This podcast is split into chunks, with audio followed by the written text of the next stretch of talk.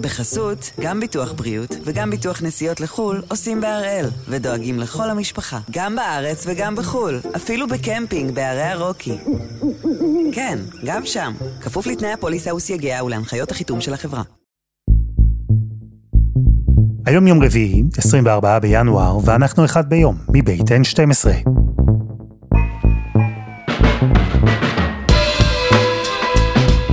אני אלעד שמחה יופי, אנחנו כאן כדי להבין טוב יותר מה קורה סביבנו, סיפור אחד ביום, בכל יום.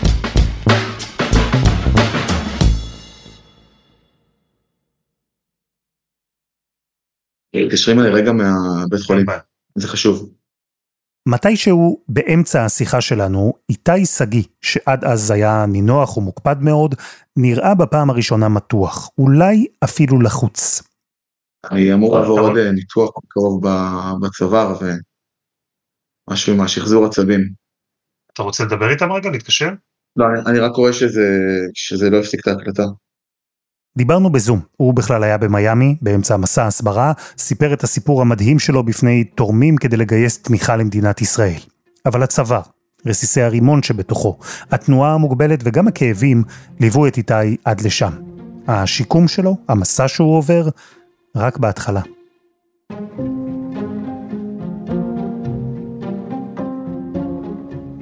אז ביום המאה והעשרה, למלחמת אוקטובר 23, אנחנו נשמע את הסיפור של איתי שגיא, וגם נדבר עם כתבתנו לינאים, על אלפי החיילים שהמלחמה הזו הותירה זקוקים לשיקום, ועל המערכת הפגועה והעמוסה ממילא, שאמורה להיות זו שלמרות הכל, עכשיו תשקם אותם.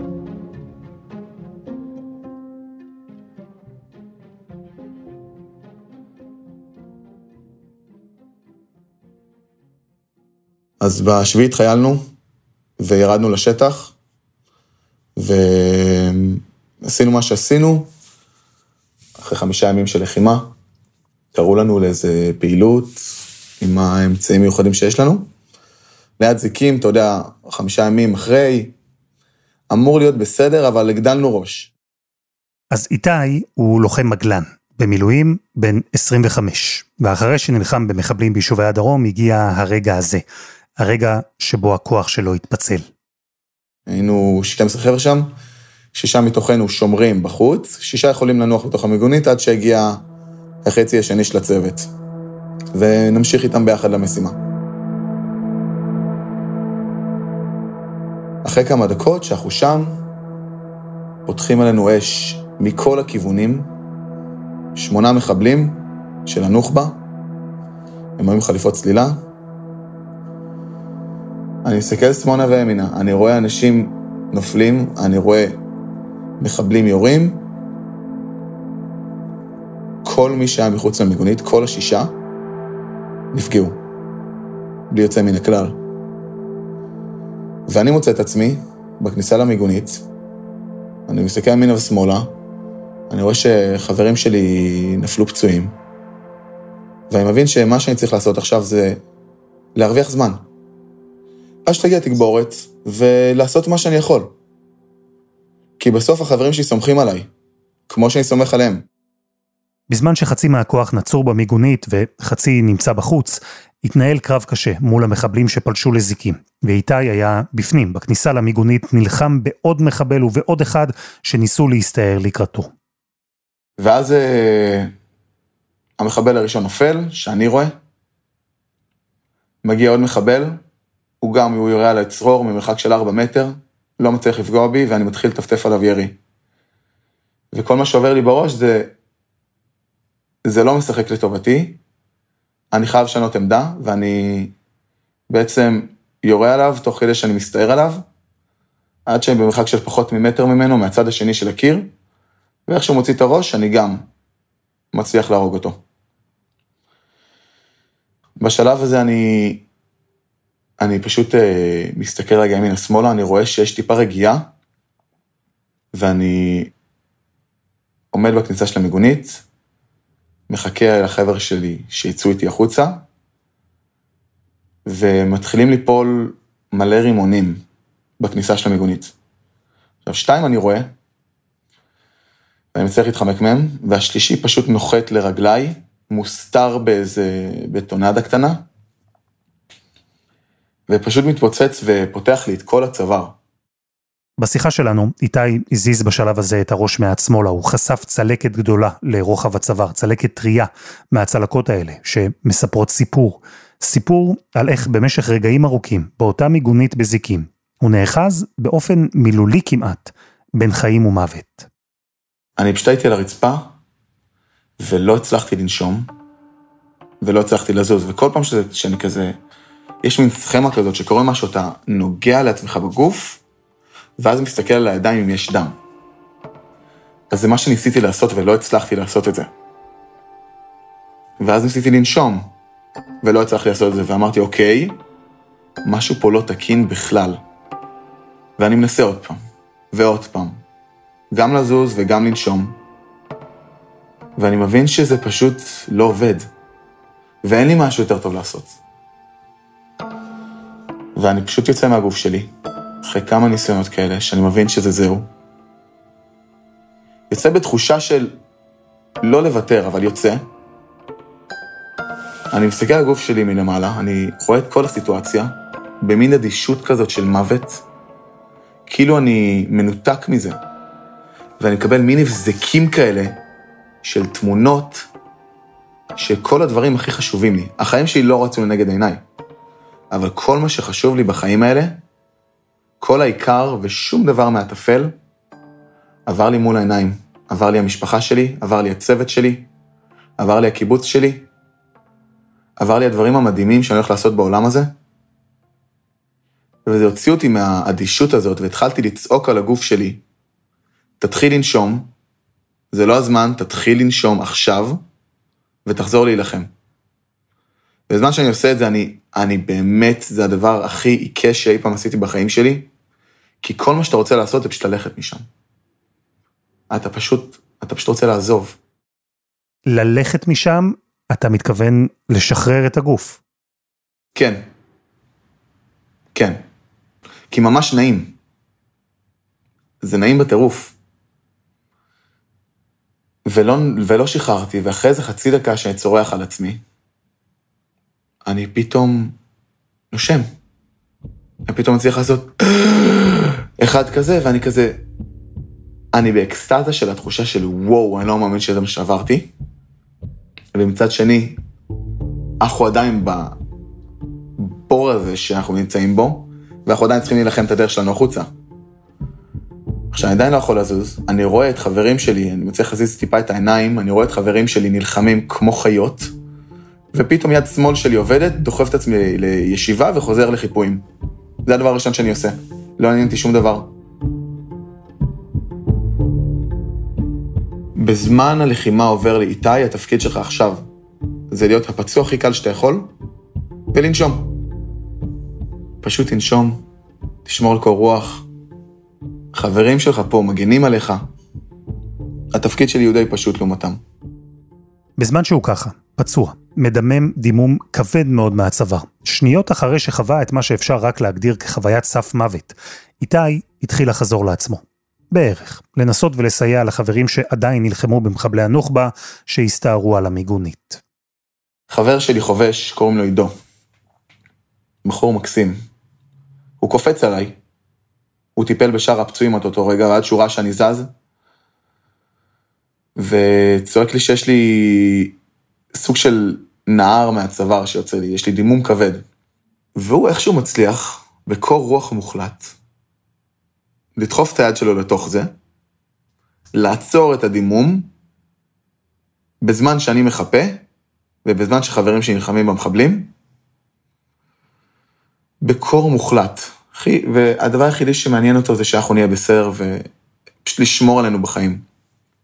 אחרי כמה דקות מגיע החצי השני של הצוות, ואחרי 50 דקות של לחימה, אנחנו מצליחים להרוג את כל המחבלים. עכשיו, שמונה מאיתנו נפצעו שם. שמונה מתוך 12 אנשים שהיינו שם בהתחלה. זה נתון לא נורמלי, אבל יצאנו משם, מנצחים. המצב של איתי הוגדר קשה מאוד, לא יציב, נשקפה סכנה לחייו.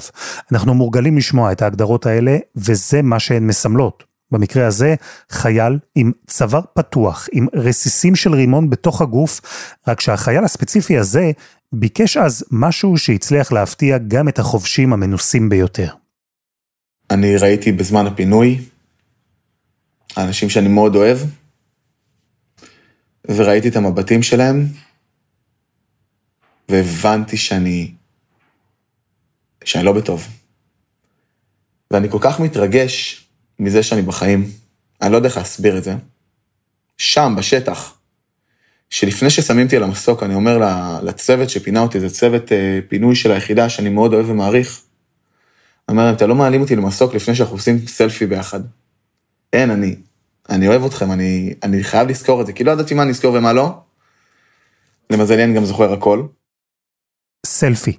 כשהוא במצב קשה מאוד, איתי ביקש סלפי. ביקש וקיבל. הוא שלח לנו את התמונה. אשכרה סלפי רגע לפני שהוא עלה למסוק, ומשם לבית החולים. אני מגיע לבית חולים לחדר טראומה, עומדים מעלי איזה 20 רופאים, הם אומרים, ניקח לו אור מפה, נסגור לו כאן, וכל הדברים האלה. ואני כזה למטה, אני מעניין כזה, יש, אני, אני הולך לחיות. איזה כיף. וממש לפני שמכניסים אותי לחדר ניתוח, אני אומר להם שאני חייב לדבר עם אמא שלי. אני חייב שאמא שלי תשמע את זה ממני, כי אם לא, היא, היא תילחץ יותר מדי. עכשיו, אני, אני כבר יודע שאני במצב מאוד קשה, ורק רוצים להרדים אותי. אבל אני מתעקש שאמא שלי תשמע את הקול שלי, ואני מתקשר אליה, אומר לה, היי אמא, ואני כזה בקושי נשם.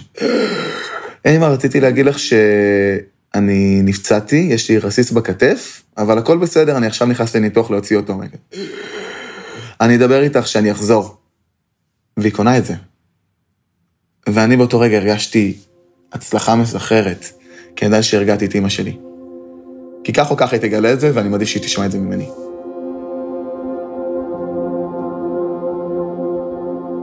חסות אחת, וממש מיד חוזרים.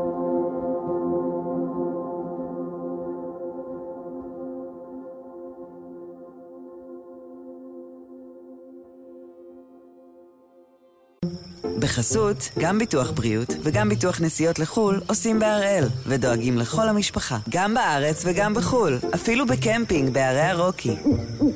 כן, גם שם, כפוף לתנאי הפוליסה וסייגיה ולהנחיות החיתום של החברה.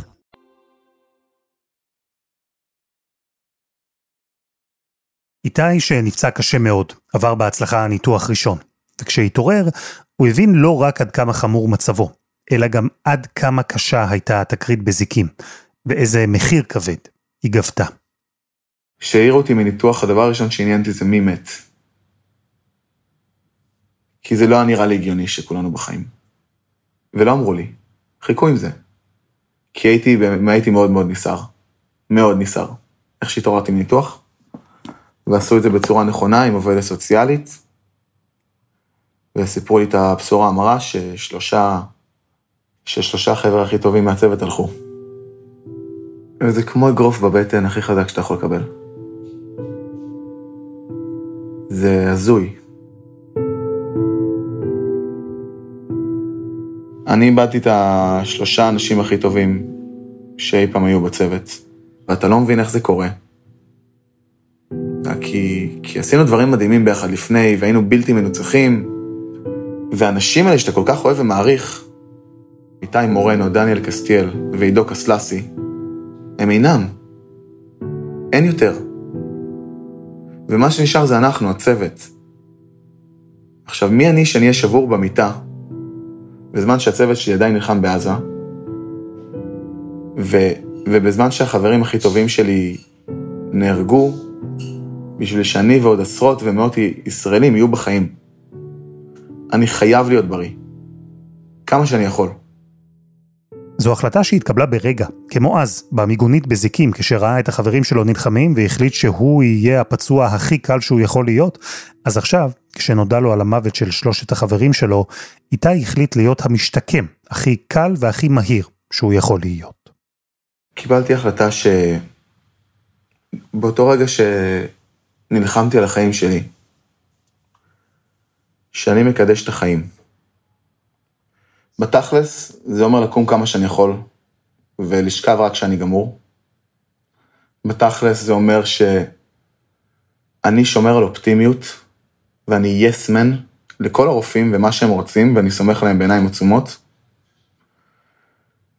העניין הוא שזה ממש מבאס. כי אתה לא יכול לעשות כלום. אתה לא יכול להתקלח לבד. כי אתה כל כך חלש. אבל אני, מה שעבר לי בראש באותם רגעים זה, איזה כיף שאני בחיים, ולא העברתי את ההורים שלי את הדבר הנורא מכל. וזה לדעת שזה פשוט baby steps, זה כל יום משהו, כל יום עוד משהו. ופתאום אתה, אתה רוצה לאכול אה, שווארמה, אחרי שבועיים. אתה מבין? זה, זה דברים כאלה שלא יכולת לפני זה כמעט לבלוע מזון, ועכשיו אתה מצליח. והשיקום הזה, עם כל הכבוד לשווארמה, השיקום הזה הוא לא עניין של רגע, לא של שבועות, ואפילו לא של חודשים. ואיתי כבר מבין את זה, מבין את זה מצוין. יש לי מסע של כל החיים, בסוף חסר לי שריר בצוואר, ויש לי בעיות קצת בעצבים ביד ובפנים. קשה לי להחזיק את הראש שלי אה, לאורך זמן.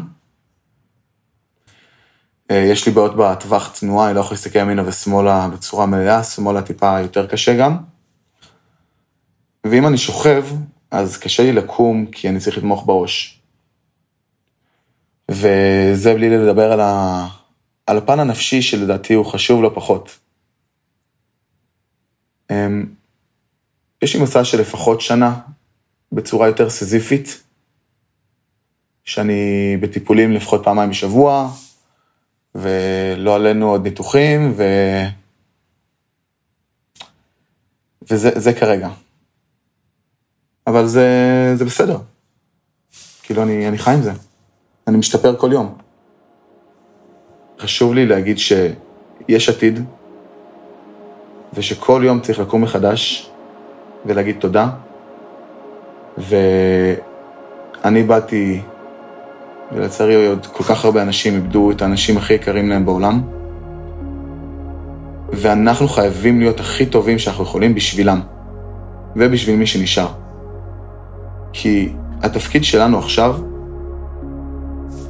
זה לא ליצור את מה שהיה ול, ולתקן את מה שהיה, זה ליצור עולם הרבה יותר טוב שהם היו מתים לחיות בו. כי זה מגיע להם, זה מגיע להם שאנחנו נחיה כמו שהם היו רוצים לחיות.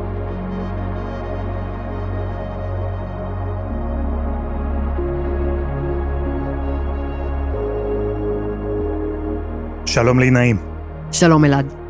שמענו את איתי, שעכשיו אה, צריך להתאקלם לסטטוס החדש הזה שלו, נכה צה"ל, מי שיעביר את חייו בשיקום מהפציעה הקשה שהוא חווה במלחמה, והוא ממש לא לבד, לצערנו הרב כמובן, על כמה חיילים פצועים ונפגעים אנחנו מדברים במלחמה הזו. את הזכרת כשדיברנו לאחרונה שיש כבר אלפים.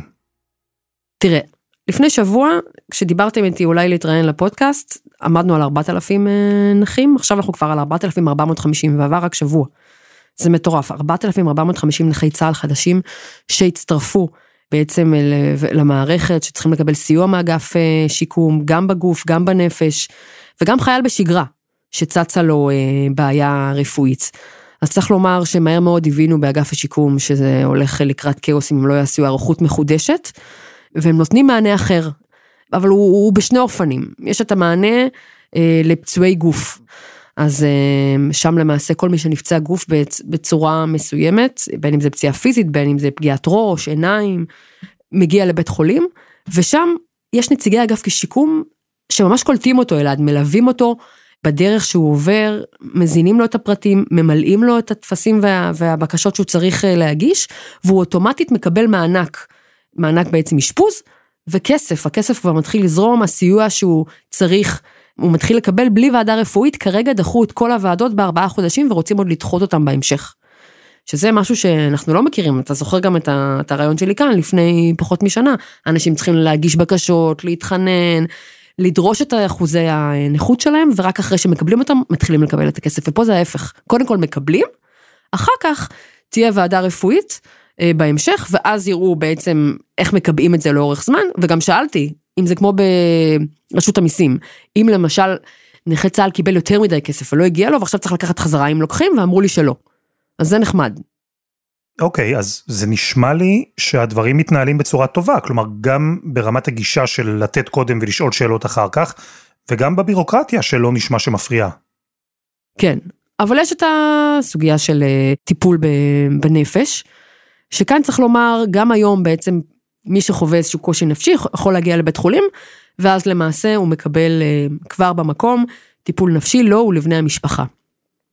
האם זה טיפול מונע, האם הוא מספק, האם זה משהו שאפשר למנוע בעצם התפשטות של פוסט טראומה בעתיד, זה דברים שעדיין אין להם מענה. אני גם שומעת משיחות שלי עם נציגים באגף השיקום שזה עקב אכילס. כלומר, נורא נורא קל לזהות פצוע אה, בגוף, כולנו יודעים לתאר, יודעים לראות. בנפש הוא מוגדר אפילו בהגדרות שלהם, הוא מוגדר קל. אגב, מתוך ה-4,450 שדיברתי עליהם, כבר קיבלתי נתונים, 91, 91 אה, אחוזים מסך הפגיעות זה נחשב פגיעות קלות. והיתר זה בינוני וקשה, אבל בתוך הקל הזה יש קאץ', כי כל מי שהוא פצוע נפשי, הוא מוגדר כקל, כי בית החולים לא רואה אותו כפצוע קשה, אבל זה לא בטוח בכלל קל, אנחנו כבר ראינו מקרה עבר. אז זה סוגיה עוד שצריך אה, לטפל בה. ומעבר למענה הראשוני הזה, הטיפול חינם לחייל ולבני המשפחה שלו, יש כבר מענה לטווח הארוך יותר? יש פתרון ספציפי יותר במקרים שבהם הפגיעה הנפשית היא מורכבת? לא. כלומר, כן אפשר להפנות אנשים כמובן לאשפוז פסיכיאטרי, כן אפשר לשים אותם בחוות שיקומיות, שזה משהו שעוד לא ממש קורה, הוא קורה מעור וגידים בימים אלה, שזה חוות שמוכוונות לטיפול בנפש, ואולי בקרוב יצליחו לקבל כמות גדולה של חיילים. בסוף מדובר בתקנים ומספרים, ואני חייבת להגיד לך שעדיין אין את המענה הרצוי, גם מבחינת אפילו כמות עובדים אה, סוציאליים שאמורים לטפל באנשים. אני אתן לך, סתם שת, שתבין, היחס כרגע היום זה עובדת סוציאלית אחת, או עובד סוציאלי אחד, ל-850 אה, נכים. זה הרבה מאוד. זה גם אם uh, העובדת הסוציאלית עברה הכשרות והיא מותאמת והיא יודעת לזהות ויודעת להוביל ויודעת להדריך ויודעת להתאים את הטיפול לאותו uh, נכה, יש לה כל כך הרבה נכים על הראש. זה, זה באמת כמות עצומה של נכי צה"ל שהמערכת מתקשה להתמודד איתה. מעריכים שעד סוף השנה יתווספו למערכת 20 אלף נכים חדשים. זה מטורף אלעד.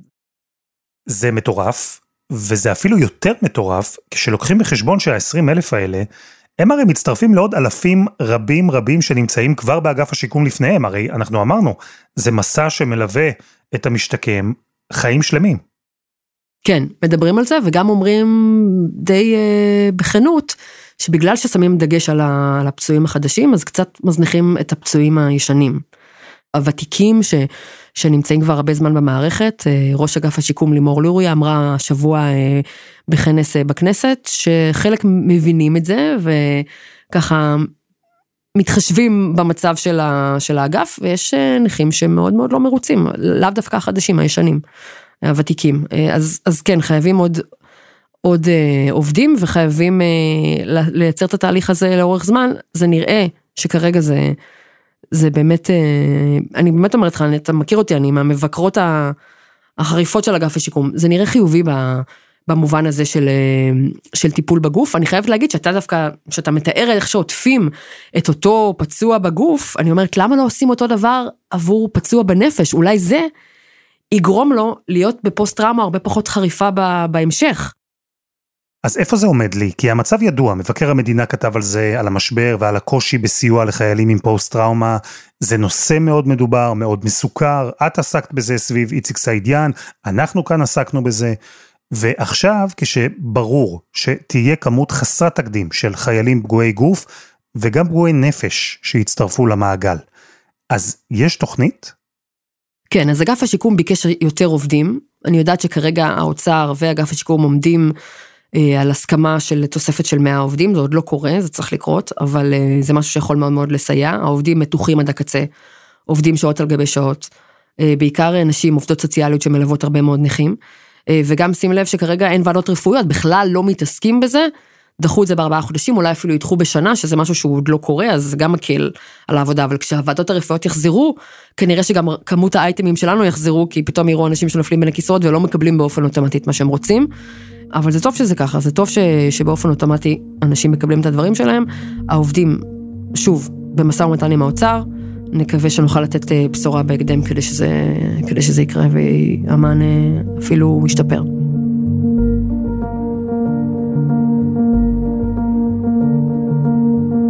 לי נעים, תודה. תודה אלעד. ותודה לאיתי שגיא.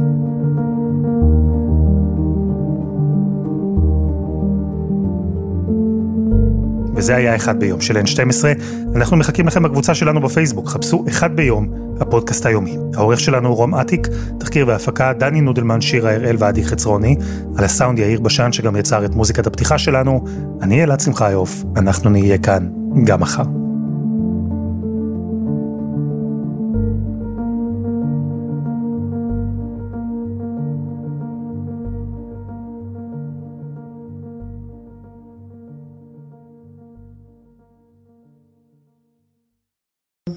בחסות, גם ביטוח בריאות וגם ביטוח נסיעות לחו"ל עושים בהראל, ודואגים לכל המשפחה, גם בארץ וגם בחו"ל, אפילו בקמפינג בערי הרוקי.